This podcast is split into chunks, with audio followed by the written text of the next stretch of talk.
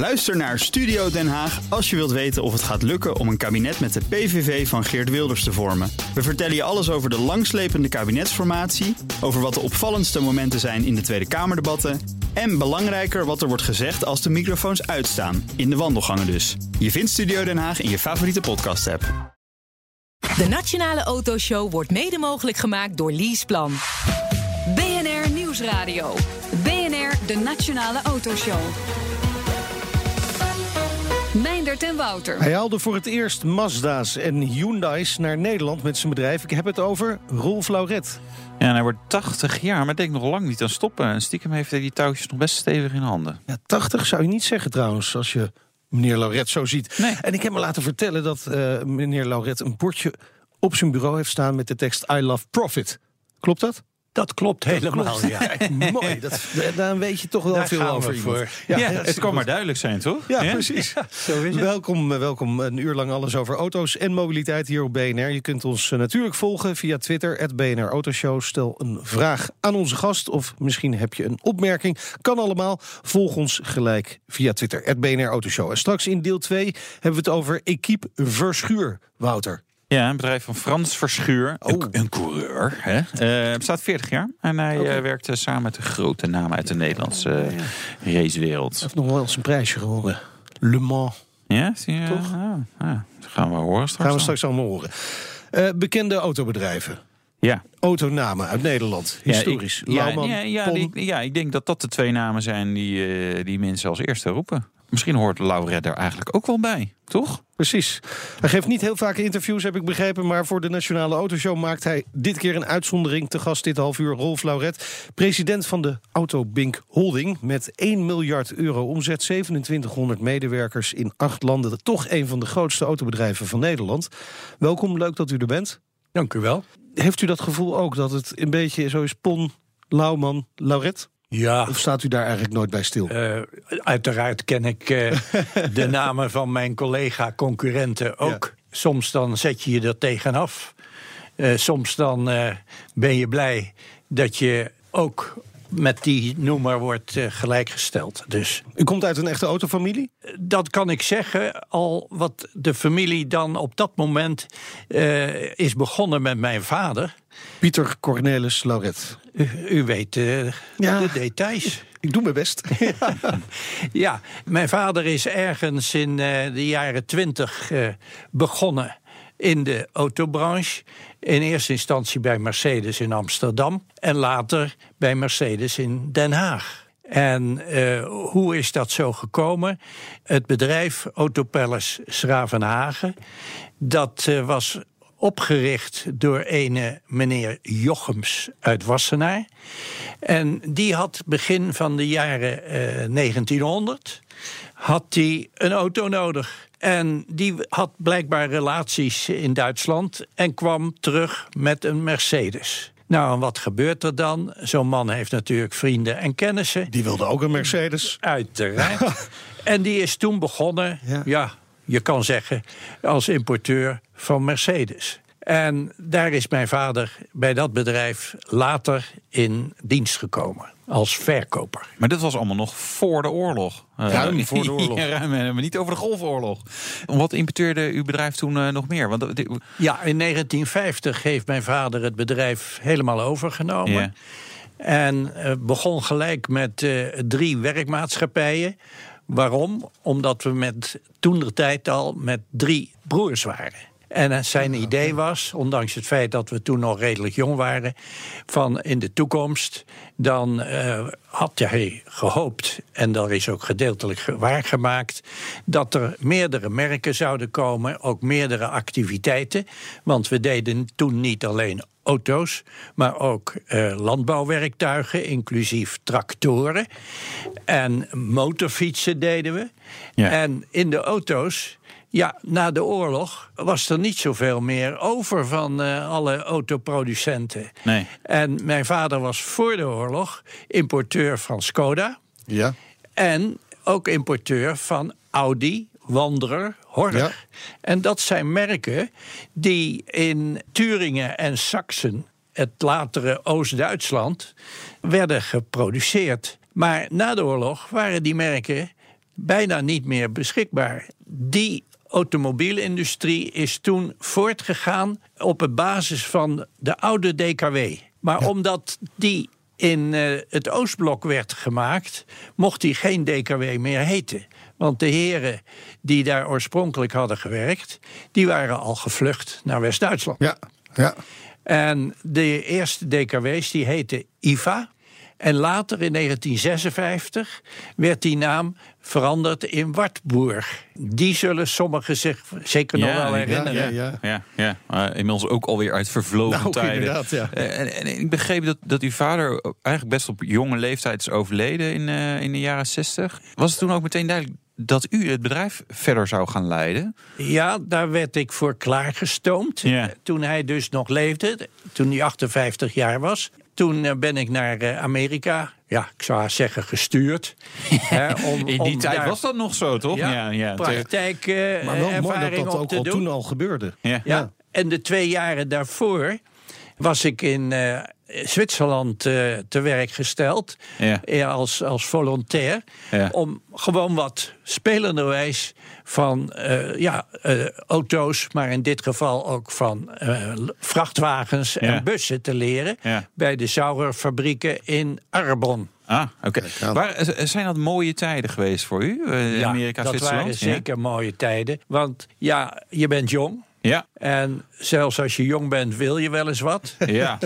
En, Meestal eh, heel veel. dat- die kans heb ik gekregen. Ja? Ik ben bij een familie ingekwartierd. Het was goed om je talen te leren. Ja. Hoewel Duits eh, werd natuurlijk in dat deel van Zwitserland op een andere manier uitgesproken. Zwitserduits. Ja. Oh, ja, ja. Ja, daar moest ik toch wel een beetje voor oppassen om dat me niet eigen te maken. Nee, nee, anders heb je een onverstaanbaar accent voor, eh, voor, de, voor de mensen die ander Duits eh, spreken. Ja. Ja. Ik ken het inderdaad.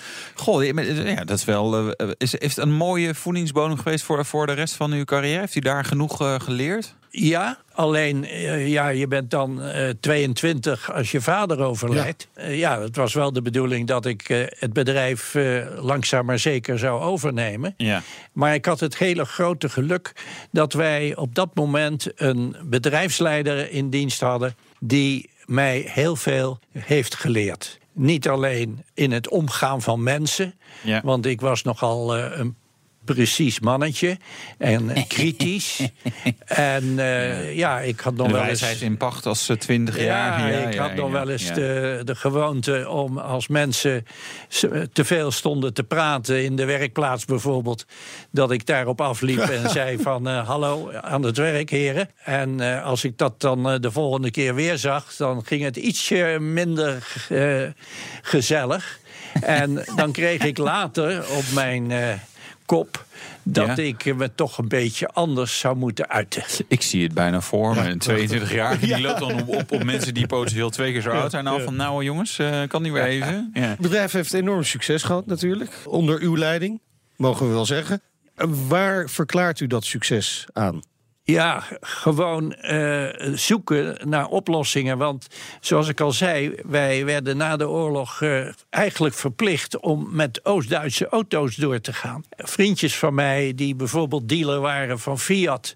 En ik hoorde dan dat daar eh, op zaterdag zo'n vijf, 15 auto's werden verkocht.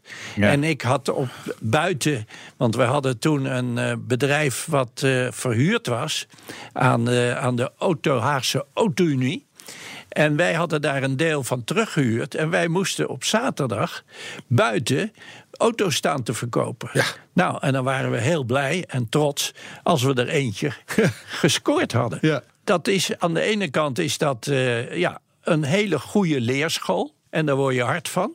Ja, daar ga je natuurlijk op een gegeven moment probeer je te kijken van kun je je bedrijf eh, wat verder eh, ontwikkelen.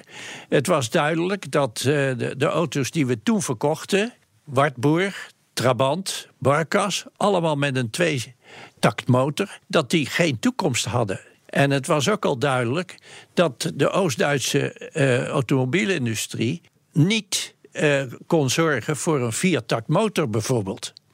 Nou, dan moet je gaan kijken hoe kom je nou uiteindelijk aan een beetje behoorlijk merk met een behoorlijke motor waar je de toekomst mee in kon gaan. En daar, daar gaan we het dan straks even over hebben. We moeten er heel even uit. Maar zometeen veel meer over dan hoe dat verder ging met Auto Bink. Maar ook over de nieuwe fase waarin het familiebedrijf is terechtgekomen. BNR Nieuwsradio. BNR, de Nationale Autoshow. Zo dadelijk meer met eh, Rolf Lauret. Maar eerst is het tijd voor het nieuwsoverzicht van deze week. Land Rover was gestopt met de productie van de Defender. Of toch net even niet. Ja, dat vind ik wel een apart verhaal, want ze zijn echt gestopt. En dan Ja. zeggen ze, nou, maar we bouwen er nog 150. En ze zijn volgens mij een jaar geleden of Ja. zo gestopt. Eh, maar ze hebben blijkbaar nog wat carrosserieën ergens gevonden.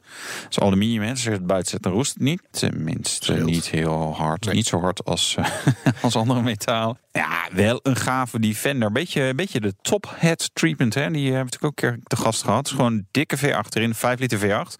405 pk. Dus die komt natuurlijk uit het, eh, nou ja, de, de Range Rover En zo. 18 inch wielen, mooi interieur met recaro's en zo. En eh 168.000 euro.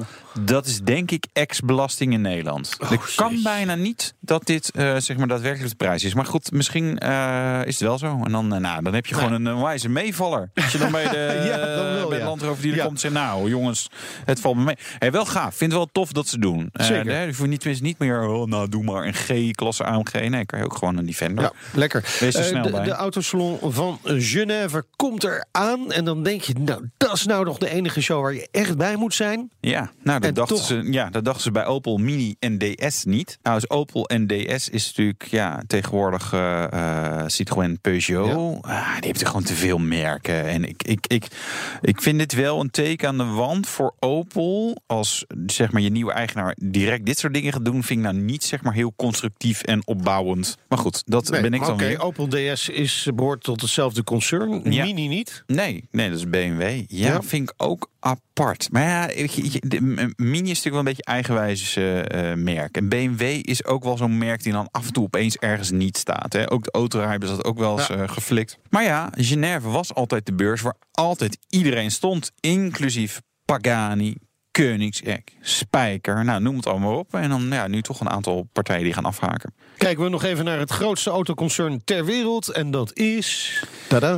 Nou, volgens Renault, Nissan, Mitsubishi, wat tegenwoordig soort van één concern is. Dat is niet helemaal zo, maar eh, ja, zij vinden dat zij de grootste zijn. Het is Carl Gozin die dat zegt. Eh, en niet de Volkswagen groep. Eh, want Volkswagen heeft eh, vrachtwagens meegeteld in de verkoopcijfers. Ja, dan gaat Toyota zich er ook nog straks mee bemoeien. Die zeggen, nou, eigenlijk Ja. zijn wij de grootste. Ja, het is wel, wel een grappige ontwikkeling.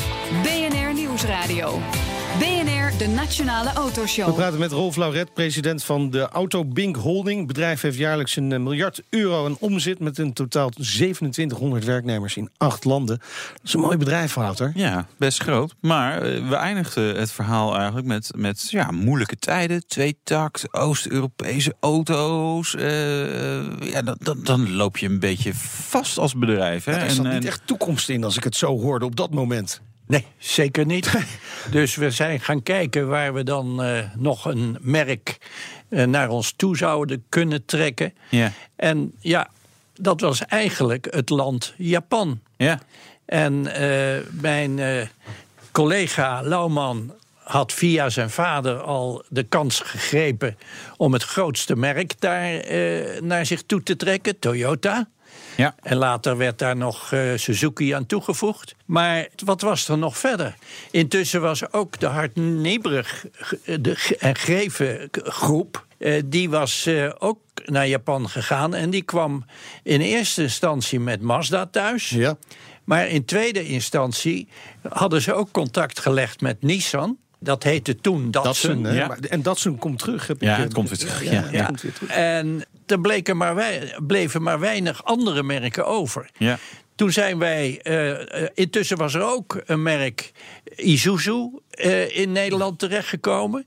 Daar ben ik toen mee gaan onderhandelen. Omdat de toenmalige vertegenwoordiger uit Utrecht... en een zekere meneer Seinen, die zag dat dat allemaal toch niet zo zitten of de fabriek zag het niet allemaal meer zo zitten.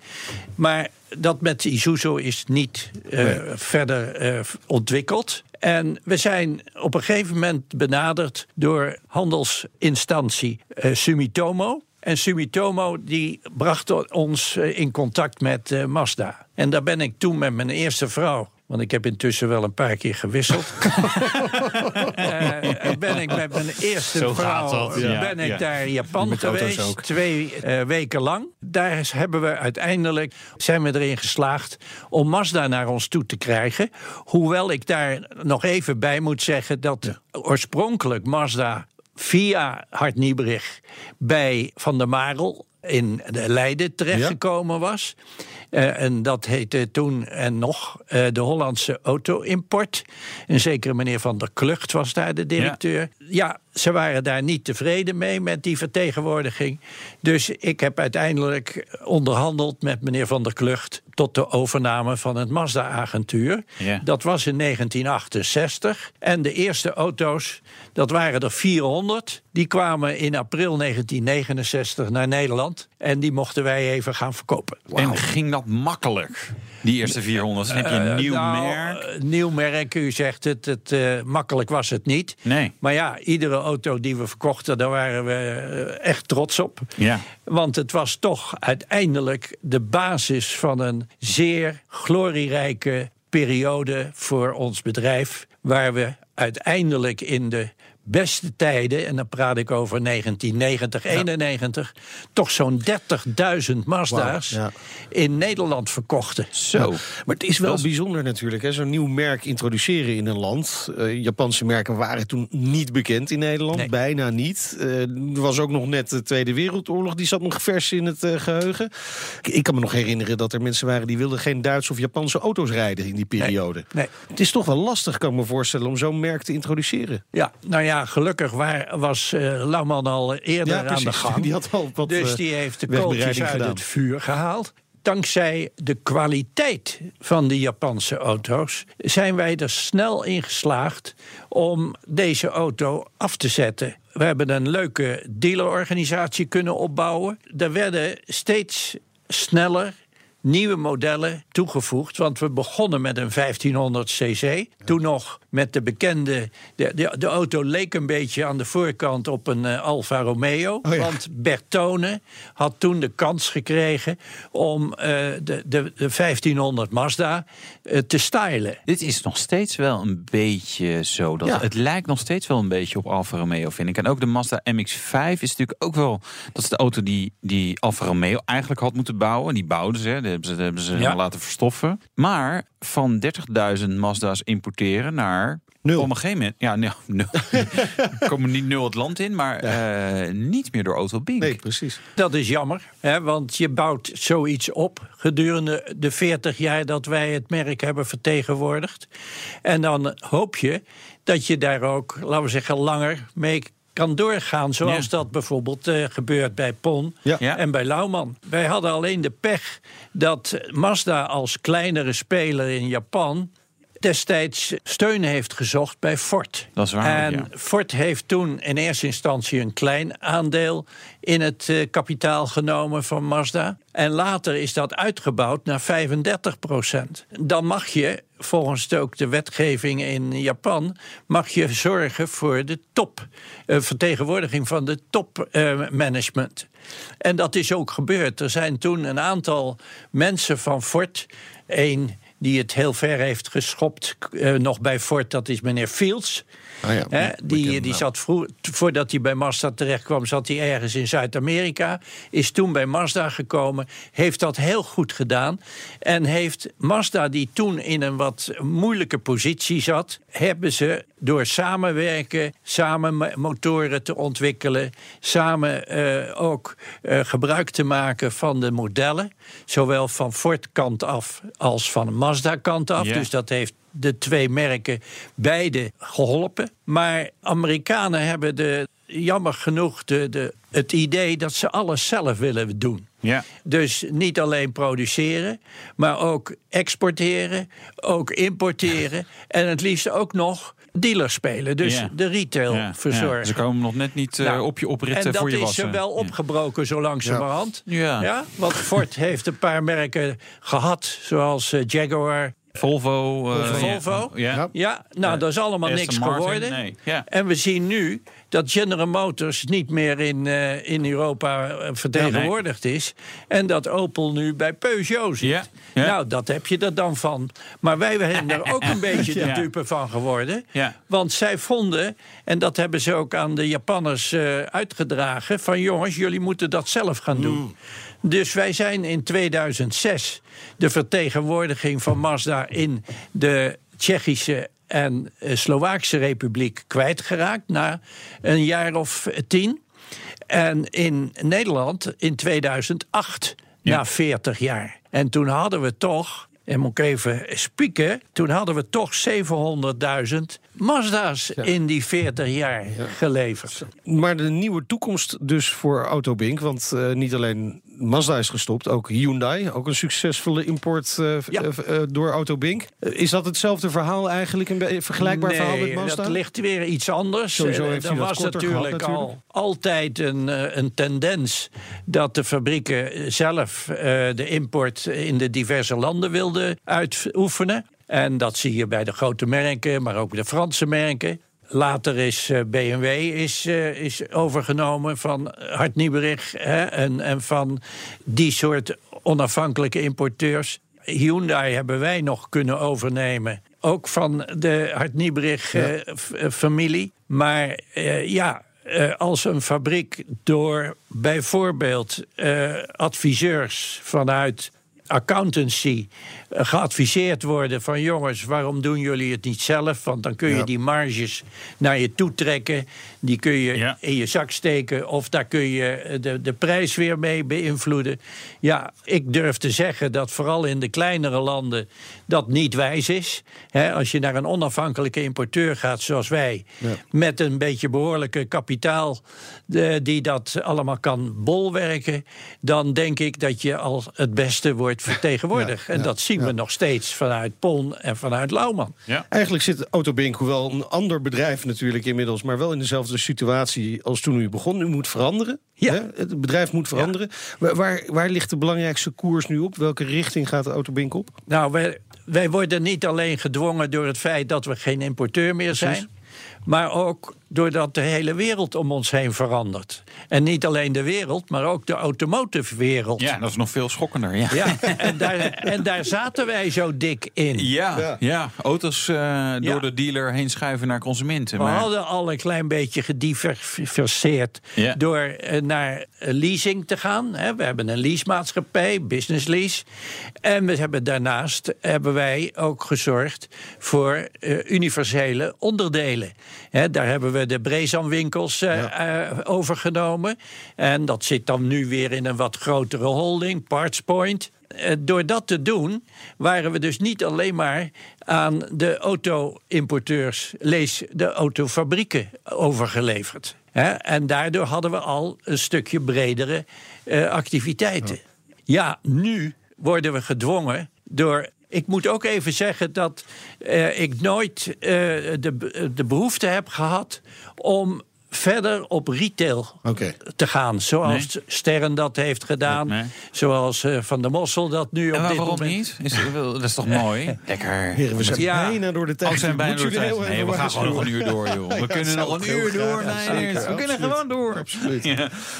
Absoluut. Maar geen retail dus. Eh, Nog wel een paar dealers. Eh, Is, is het nog leuk om dealers te hebben eigenlijk? In Nederland, als je eh, een merk kan vertegenwoordigen... wat je de, de kans geeft om nog geld te verdienen... en dat vind je bij de premium merken... BMW, zoals u Hè, nog heeft. BMW. Wij zijn vier jaar geleden BMW-dealer geworden in Groningen en Assen. Nou, dat is te doen. Dat, Dat is te doen. Maar, maar u zou het niet iemand aanraden om nu nog een dealerbedrijf te beginnen. Tenzij Nee, het met zo'n merk is. Zeker Nee. niet. Duidelijk. Eh, tot, tot slot heel erg kort, want u heeft nog wel rechten op BYD om dat merk te importeren, begrijp ik? Ja, dat klopt. Dus wellicht komt er nog eens een merk, een Chinees merk naar Nederland. Ja, eh, wij zijn daar zes, zeven jaar geleden eh, al, al vroeg heen gegaan.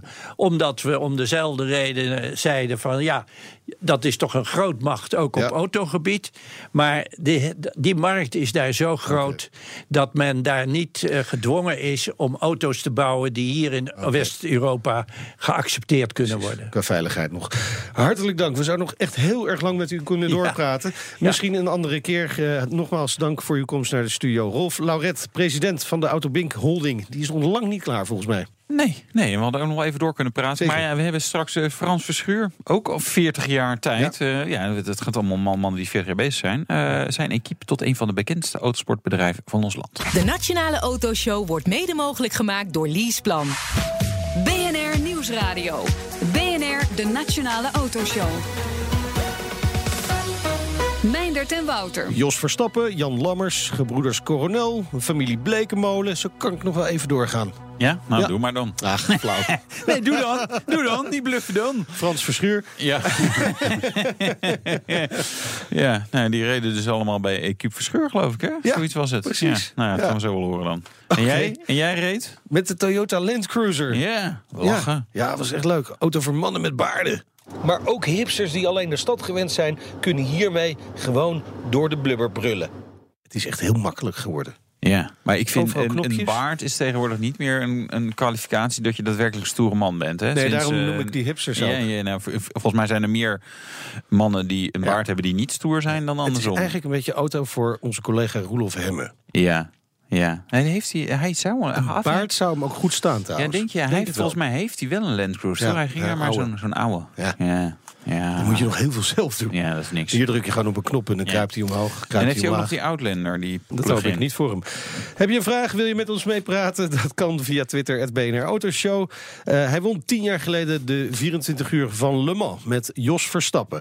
Is helemaal gek op alles wat maar met Renault Sport te maken heeft. En zijn eigen bedrijf bestaat precies 40 jaar. Genoeg reden dus om Frans Verschuur uit te nodigen in de Nationale Autoshow. Hij is eigenaar van Equipe Verschuur. Welkom, leuk dat je er bent. Ja, graag gedaan. Heel goed. Ook op bekend terrein natuurlijk. Ja, dit is heel bekend terrein. Al Ja. eh, heel lang geleden zat Renault in Nederland hier. En ze in de kelder een eh, raceafdeling waar ik eh, eigenlijk dagelijks kwam. Kijk, dat werd dus gewoon in de kelder van dit gebouw... werd een Ja. beetje gesleuteld aan die auto's. Ja, Mooi toch? blijkbaar. Misschien kan je nog wel ruiken, de olie. Ja, ze parkeren nu ook auto's. Maar echt in de kelder, In de kelder, in de rechtse achterhoek, daar zat, eh, werden auto's klaargemaakt voor Lammers en Blekemolen. Ja, kijk En daar was ik toen, eh, die zijn iets ouder als ik, was ik degene die daar eh meehielp en, en dat soort dingen. Het is wel, eh, geeft dit weer extra we, corset moeten deze we eigenlijk een beetje terughalen. Het, eh, misschien een eigen raceteam Ja. van ons. Dat we daar van vrijelijk mogen klussen in de kelder. Ja, ja joh. Maar ga je af en toe ook mee? Ja, ja, en het is een uiting van succes als je als eh, radiostation gewoon je eigen raceteam hebt. Dus ik. eh, zeg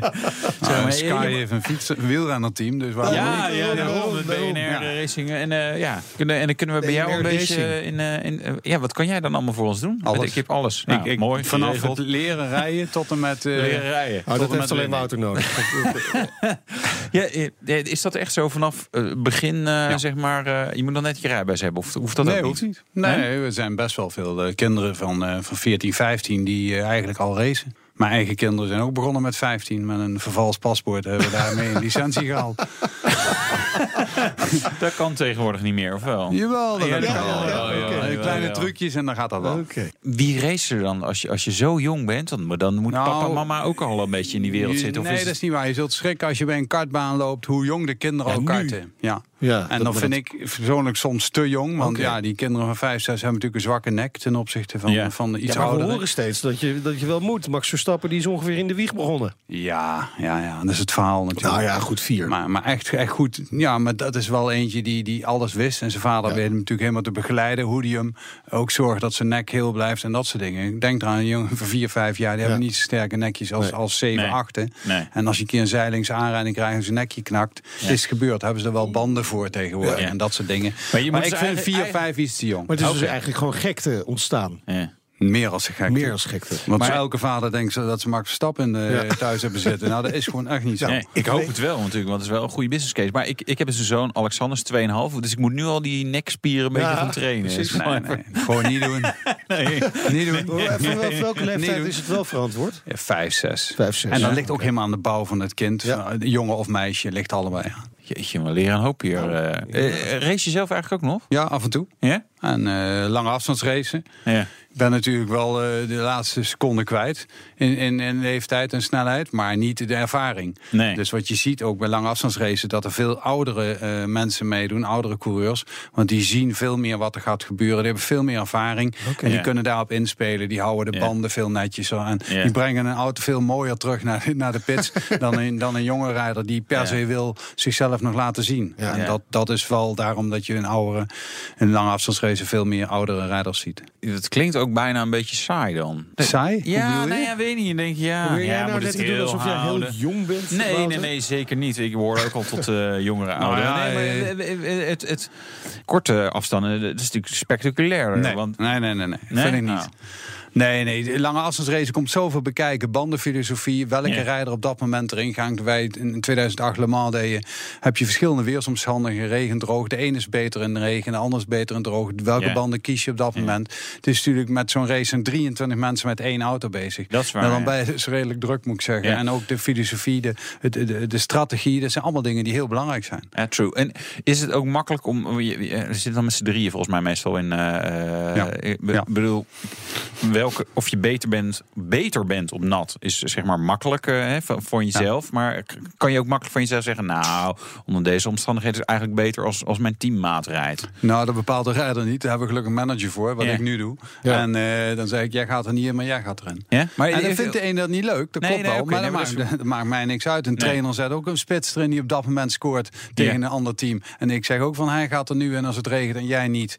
Ja, Ja. dan- dat die rijder dat niet leuk vindt, daar heb ik eh, helemaal maling aan. Dat is gewoon eh, niet relevant. Nee, snap ik. Maar ja, dat, is, dat is dus Ja. soms wel even een moeilijk, wel moeilijk hard. Ja, verhaal. dat klopt, dat klopt. Zeker als eentje buiten die alles betaalt. En die er Nou net ja, in dat- wil stappen en dan meer mag. Eh, Het is natuurlijk een kostbare business, Ja. racen. Eh, Kun je een beetje indruk geven wat kost een seizoen? Dat verschilt natuurlijk heel erg per klasse. Ja, je hebt zelfs eh, in Nederland gelukkig nog een instapklasse. En dan ben je met 5000 euro per jaar eh, ben je helemaal klaar. Is, lijkt heel veel geld, maar dan ben je wel eh, zeg maar zes, zeven weekenden druk mee. En dat is echt het goedkoopste. Ja. En ga je naar eh, Formule 2, hetgene wat onder de Formule 1 zit... dan ben je met eh 1,5 miljoen, eh 2 miljoen ben je een beetje on- ook onder de pannen. Zo. Dus zo'n range zit ertussen. Ja. En daar zit overal wel, zeg maar, in Nederland is het hoogste wat je kunt rijden, eh, denk ik, rond de 30, 40.000. Ja. En dan houdt het op in Nederland. Maar to- toch kan ik me dan wel voorstellen dat het moeilijk is om iemand, iemand die zo'n zak geld meeneemt, Ja. om die dan te weigeren. En dat doe je wel. Ja, dat doe ik wel. Nou, Vroeger deed ik dat niet, nu wel. Waarom maar nu wel dan? als je ziet wat niet? het karten al, al 50, 60.000 euro, Ja. wat, wat ze in kinderen stoppen van 11, 12 jaar en die vaders helemaal gek staan lang, te doen langs de kant. Ja, word wakker joh. En, en dan zeg ik ook nu, eh, nu zeg ik ook tegen, tegen vaders van eerst kijken wat je zoon kan. En dan is het heel hard als je in het einde van het seizoen hoort, je moet het racen als hobby zien en als, als, als, als liefhebberij. Maar ga niet verwachten dat je de bekende Max Verstappen wordt, want dat gaat gewoon niet gebeuren. Er zijn er maar heel zeldzaam. En dan nog kan ik je namen noemen die misschien bijna het talent hadden van Verstappen, maar niet gekomen zijn vanwege Nee. alle omstandigheden eromheen. Nou ja, een van die redenen is dat ze niet eh, de vader hebben die Jos Verstappen heet, bijvoorbeeld. Correct. Ik, ik denk persoonlijk, en dan weet ik eigenlijk wel eh, uit ervaring wat ik gezien heb, is dat Max 20% talent en 80% wat zijn vader gedaan heeft. Die heeft hem zo, Zo? goed opgeleid. Zo op het goede moment in de goede auto. De goede eh karts gekozen. Daar ook geleerd wat het is. Ook dat je moet incasseren. Je wint niet altijd. Er kan er maar één winnen. Kijk, bij het voetballen winnen er elf en, en verliezen er elf. Maar bij Ja. het racen kan er maar één winnen. En hij zit, moet je hopen, maar in de goede auto. Op het goede moment. En, enzovoort enzovoort. Alonso op het moment kiest elke keer net de verkeerde auto. Ja, Ja. dat is ook een beetje de pech die jij heeft. Ja. Ja, nee, het, het, het, het true. Maar je zegt dus, goh, dus het heel veel op uh, heeft Jos uh, uiteindelijk gedaan. Ja, 100%. Ja, een goede opleiding is dus heel belangrijk uiteindelijk. Ja, en vertrouwen hebben in, in, yeah. in hetgene wat je doet en wat je manager doet. In dit geval Jos dan. En die wist precies waar hij heen moet. Kijk, hij heeft zelf een hele moeilijke tijd gehad. En hij is eigenlijk een beetje opgeofferd in die tijd voor, voor Schumacher. Ja. En, en, en uh, hij wist dat ook. En op een gegeven moment wist hij ook, dit is mijn maximale wat ik kan halen. En die fout heb ik gemaakt. Dus dat ga ik bij Max niet doen. En daarom zie je dat sommige jongens verkeerd begeleid worden door zogenaamde wijsneuzen die het wel allemaal weer weten. Ja, en die komen dan net verkeerd uit. Dat is gewoon jammer, want die talenten zijn er ook geweest. Harde waarheid. Keihard, maar Keihard. er is maar heel weinig plekken in de hele wereld, maar 22 ja, ja, zitjes, ja. waarvan er uh, vier betaald zijn. En dus dan blijven er nog uh, zeg maar 18 over of 16 over van mensen die echt talent hebben. Ja, absoluut. Uh, Renault zit nu, weet je had Alonso, de, straks volgend jaar ook dit jaar een Renault motor. Hè? En Renault zelf natuurlijk ook vol in de Formule 1. Is dat, is dat goed? Jij hebt een beetje Renault hart, een beetje. Ik heb een beetje veel Renault hart, maar ehm, persoonlijk vind ik het on, wordt het heel erg onderschat, Formule 1. En als je het ziet, Renault komt erin. En dat vind ik heel dapper wat ze doen. Want het is natuurlijk Mercedes en Ferrari die maken de dienst uit al jaren. Ja. En dan komt helemaal niemand anders bij in. En dan komt een merk wat heel lang eruit geweest is, die komt terug. Ja, ja en dan, dan heb je best echt een achterstand. Dat is niet te geloven. Je moet het zo zien, we gaan een voetbalelftal beginnen en we willen Champions League spelen. Ja, dat duurt gewoon heel lang. Ja. En ik denk dat Renault er zelf hoe, hoe is in, in, 19, in 2020 zo, in 19, 2019, 2020, dat ze dan aan de top dan zitten. pas. Dan, dan, pas, dan, dan pas kunnen ze. Ja, oké, okay, ja, nee, ja, goed. dan, ja, ja. dan zitten er vier. Nee, maar uh, Max die wil gewoon wereldkampioen worden. Dan ja, zit hij dus Max, in de verkeerde auto. Ja, Max wil. Ja, ik ja, wil ook nou, komen, begrijp ik wel. Maar uh, Red Bull heeft één groot probleem in mijn ogen: dat ze niet een eigen motor hebben. Precies. Dus wat gebeurt er? Uh, Red Bull die heeft vorig jaar een beetje kritiek geuit op Renault. maar waar, wat moeten ze anders? Ze krijgen nooit een Mercedes motor of nee. een vrije motor. Die krijgen ze niet, want Mercedes Honda, gaat niet. Honda kunnen ze doen. Ja, ja. dan wordt het nog erger. En dus, dus voor een Porsche natuurlijk. Uh, ja, maar als Porsche gaat beginnen, zijn ze ja, er ook nee, niet. Hoe, hoeveel jaar duurt het? Ik denk vijf jaar, vijf voordat, jaar je er voordat je er bent. Want Renault is er natuurlijk wel eens geweest. Ze zijn heel goed geweest. Maar Ja, wat was precies. toen het nadeel? Dat het zogenaamd Red Bull was die wereldkampioen werd. Maar wel met een Renault motor. Ja, en dat is natuurlijk een beetje ondersneeuwd geweest. En daarom hebben ze nu zelf een, een, een, een team gekocht. Dat ze zelf dat kunnen laten doen. En niet dadelijk weer dat Red Bull wereldkampioen wordt met toevallig, eh, zoals die wijsneus van Mol zegt, met een Renault motortje erin. Zometeen praten we verder en dan gaan we het hebben over Renault Sport... en een nieuw avontuur voor Equipe Verschuur, de Alpine A110 Cup. Frans Verschuur die vertelt er zo meteen meer over. BNR Nieuwsradio. BNR, de Nationale Autoshow. Zullen we een stukje gaan rijden? Laat maar doen. De rijimpressie. Hij is niet kapot te krijgen. En of het dan over mij of over die Land Cruiser gaat, Nee, nou ja, natuurlijk. dat horen we in de rijimpressie. De Toyota Land Cruiser is zo langzamerhand een legende waar nauwelijks meer legendes te vinden zijn. Stuur iemand de woestijn in en die mag een auto uitkiezen om dat mee te doen, dan wordt dat waarschijnlijk dit beest. Geen beter gezelschap te vinden. Geldt trouwens ook voor de jungle of een bevroren tundra. Juist in dat soort nauwelijks begaanbare gebieden is de Land Cruiser ook waanzinnig populair. Hoge auto's in overvloed natuurlijk om uit te kiezen. Ieder merk heeft wel een eh, SUV of meer of crossovers in huis. Dat zijn vaak luxe paardjes waarmee je toch ver weg wil blijven van het ruige terrein. Ja, een grasveldje bij een hockeyclub, dat kunnen ze nog wel aan. Maar veel meer dan ook niet. Nou, die Land Cruiser daarentegen, ja, daar kun je nog wat mee. En toch is het al lang niet meer die compromisloze terreinknecht van weleer. Als je dan instapt, valt je toch vooral eerst de grote mate van luxe op. Je zou bijna denken dat je in een eh, Lexus variant bent terechtgekomen. Super handige extra's natuurlijk ook. Bluetooth, zodat je in de blubber toch handsfree kunt bellen of je Favo muziekje kunt afspelen. Adaptive Cruise Control. Je kunt tegenwoordig niet meer zonder in de Sahara. Ja, allemaal prettige moderniteiten natuurlijk voor in het dagelijkse verkeer.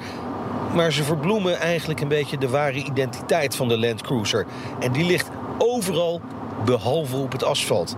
En dat merk je ook wel als je ermee rijdt. Hij is groot, zwaar, ruim 2300 kilo. Heerlijk al die ruimte. Eventueel ook te gebruiken voor een derde zitrij. Anders gewoon lekker vullen met een hoop meuk. En een aanhanger erachter trekt hij makkelijk natuurlijk. Nou, de keuze voor de motor gaat tussen 2,8 liter diesel en een... eh, Oh nee, dat was het. Nou, prima in het dagelijkse verkeer. Nog beter in het terrein. Je kunt eh, de stabilisatie van de auto aanpassen afhankelijk van de ondergrond. Dus wat stabieler op het plaveisel en wat comfortabeler in het terrein. Nou, daar moet je niet al te veel van verwachten trouwens, van die stabilisatie. Hij helpt gewoon nog steeds over in de bochten, duikt bij het remmen. Is dat erg? Nee, natuurlijk niet. Het is gewoon een onvervalste terreinauto. Gebouwd op een zogenaamd ladderchassis. Ziet er letterlijk uit als een ladder. Hè? Twee lange buizen met dwarsverbindingen. IJzersterk. Wordt vooral gebruikt bij eh, vrachtwagens, maar dus af en toe ook bij een goede terreinauto. Nou is dit zeker geen ouderwetse auto. Hij is voorzien van heel veel technische elektronische snufjes. Ik noem er een paar. Het crawl-systeem waarmee de auto eigenlijk helemaal zelf daalt of stijgt. Een speciale camera die onder de auto kan kijken of er niet al te grote obstakels onder zitten. En het zogenaamde Kinetic Dynamic Suspension System. Nou, vergeet dat lekker weer. Het betekent gewoon dat hij altijd met alle wielen op de grond staat. In welke moeilijke twisterhouding de Land Cruiser dan ook wordt neergezet. Nou, een kind kan de was doen, eigenlijk bijna letterlijk. De Land Cruiser is nog altijd een auto voor mannen met baarden. Maar ook hipsters die alleen de stad gewend zijn, kunnen hiermee gewoon door de blubber brullen. Heerlijk. Mooi toch? Ja, mooi. De compleet nieuwe Toyota Land Cruiser. Ik vind het toch wel fijn hoor. Ja, ik heb ermee geoffroad. Dat is, eh, ja, gaat natuurlijk nergens over, want dat doe je verder helemaal niet. Maar dan merk je wel, ja, het kan veel.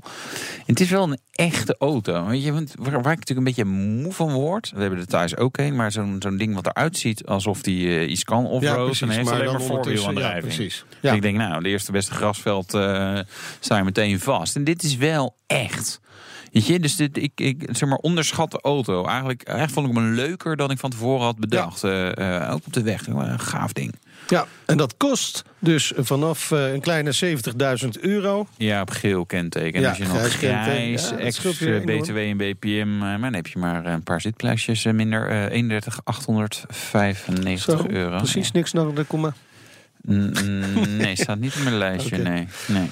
Nou, komen we bij het eindoordeel. Dat dit nog gemaakt wordt. Bam, zo is het. Ja, maar in andere werelddelen is dit natuurlijk een briljante auto. Hier voor Nederland Ja. heb je dit eigenlijk niet nodig. Maar dat maakt het des te leuker. Nee, maar in die andere landen heb je dan weer adaptive cruise control waarschijnlijk niet nodig. Dat soort dingen die er allemaal op zitten. Misschien Nee. eh, dat dat dan ook niet geleverd wordt daar. Dat zou natuurlijk best kunnen. BNR Nieuwsradio. BNR, de Nationale Autoshow. Wij praten verder met Frans Verschuur, eigenaar van Equipe eh, Verschuur. We hadden het al heel even over Renault Sport, maar dat is echt wel jouw ding natuurlijk. Toch? Ja, niet alleen voor mij, maar nog een duizend anderen. Ja, oké, oké. nee, maar... dat is wel iets waar ik eh, sinds, al, al sinds 88 mee, eh, mee verbonden ben. Ja. Heb, je, heb je ooit gekeken naar andere auto's waar je denkt, nou, ik wil toch eens een keer Nee, even... ik, ik, ik doe nu McLaren's. Ja.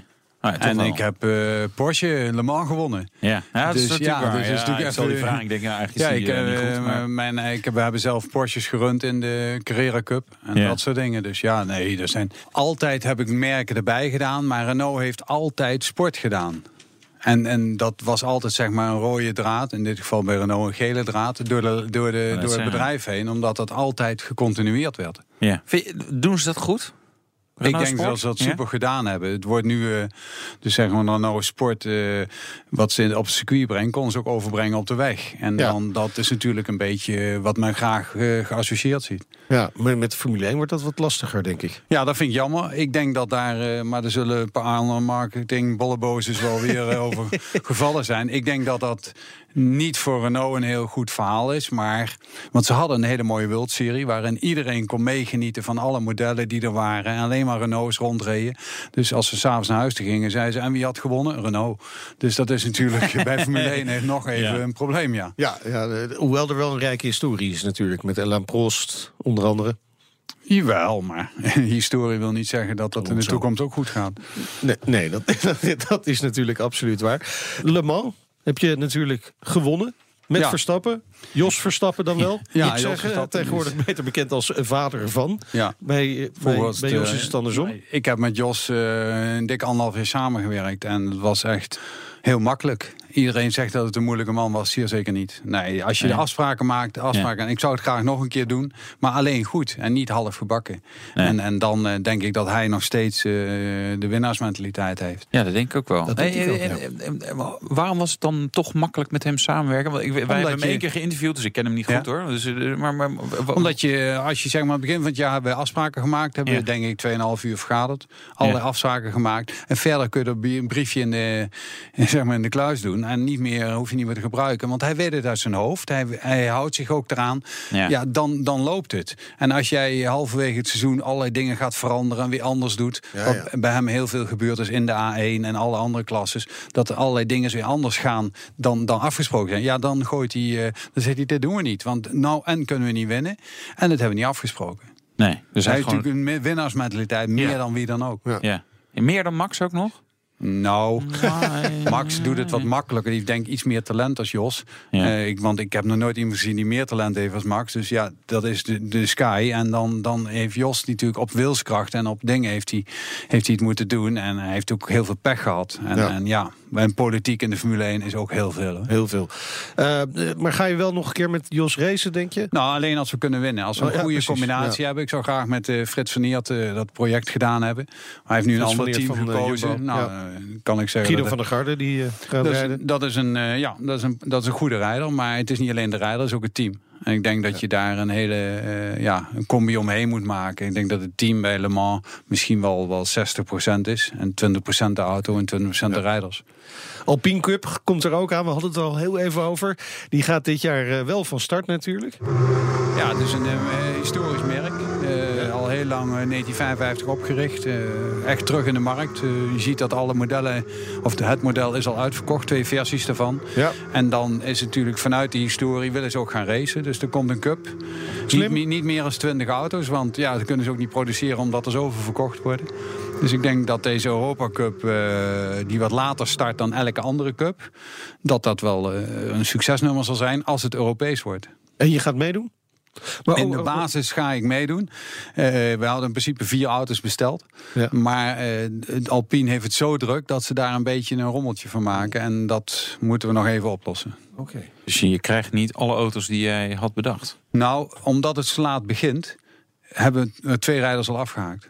Ja, ja. Dat krijg je dan natuurlijk ook.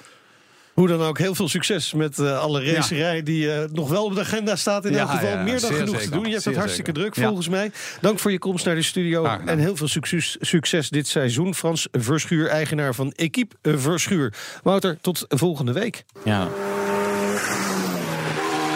Ga je nog wat zeggen? nee. Oké, doei. De Nationale Autoshow wordt mede mogelijk gemaakt door Leaseplan. Bij BNR ben je altijd als eerste op de hoogte van het laatste nieuws. Luister dagelijks live via internet. Bas van Werven. En heel langzaam komt de zon op rond dit tijdstip. Je krijgt inzicht in de dag die komt op BNR, het Binnenhof in Nederland en de rest van de wereld. De Ochtendspits. Voor de beste start van je werkdag. Blijf scherp en mis niets.